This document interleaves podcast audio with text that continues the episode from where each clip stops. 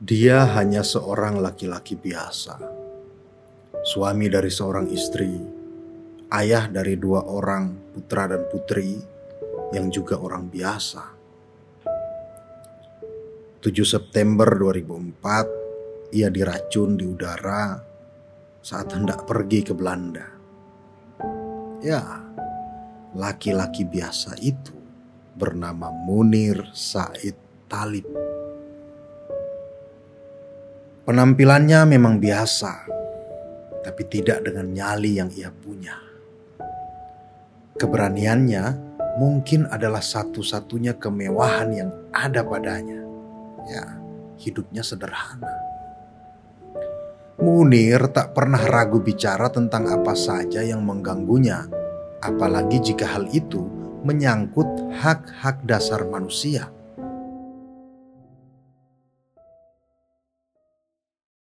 Tak boleh seorang pun dirampas haknya, dihilangkan nyawanya, hanya karena berbeda dalam cara memandang negara atau karena hal lainnya. Bagi Munir semua harus mendapatkan perlakuan sama. Setiap nyawa berharga.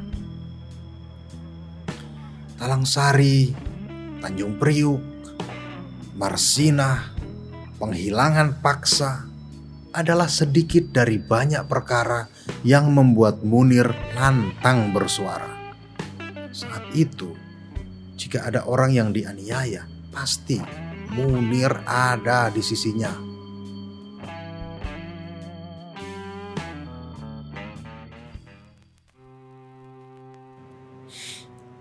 Di dalam penerbangan naas itu 7 September 2004, langkahnya terpaksa berhenti mereka pikir dengan begitu cita-citanya juga bakal mati.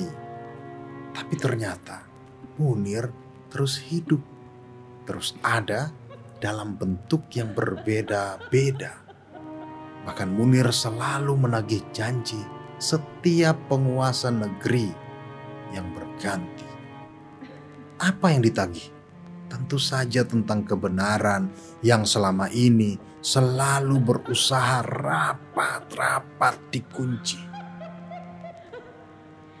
Maka kita akan bertanya, siapa yang paling senang dengan ketiadaan Munir?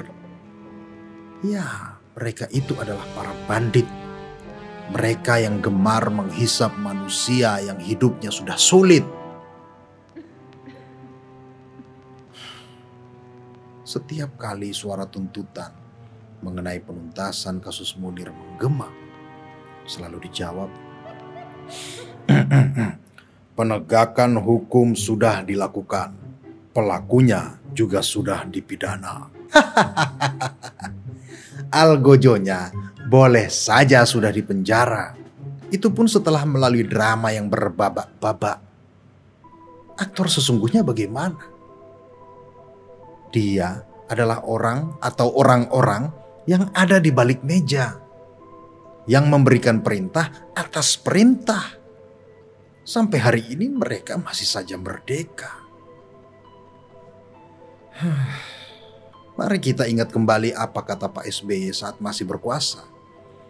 Penyelesaian kasus Munir adalah ujian sejarah kita. Rupanya Rupanya kita gagal melulu melewati ujian itu. Bagaimana mau lulus ujian jika dokumen yang penting saja tak tahu dimakan siapa? Lalu sampai kapan kita akan menunggu? Kita perlu kejelasan, kita perlu kepastian. Kita inginkan perkara ini jadi terang. Supaya apa?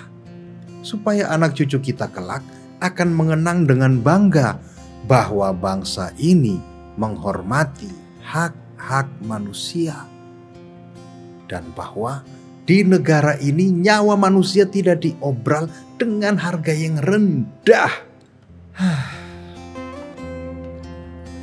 Untuk Cak Munir Said Talib. Al-Fatihah.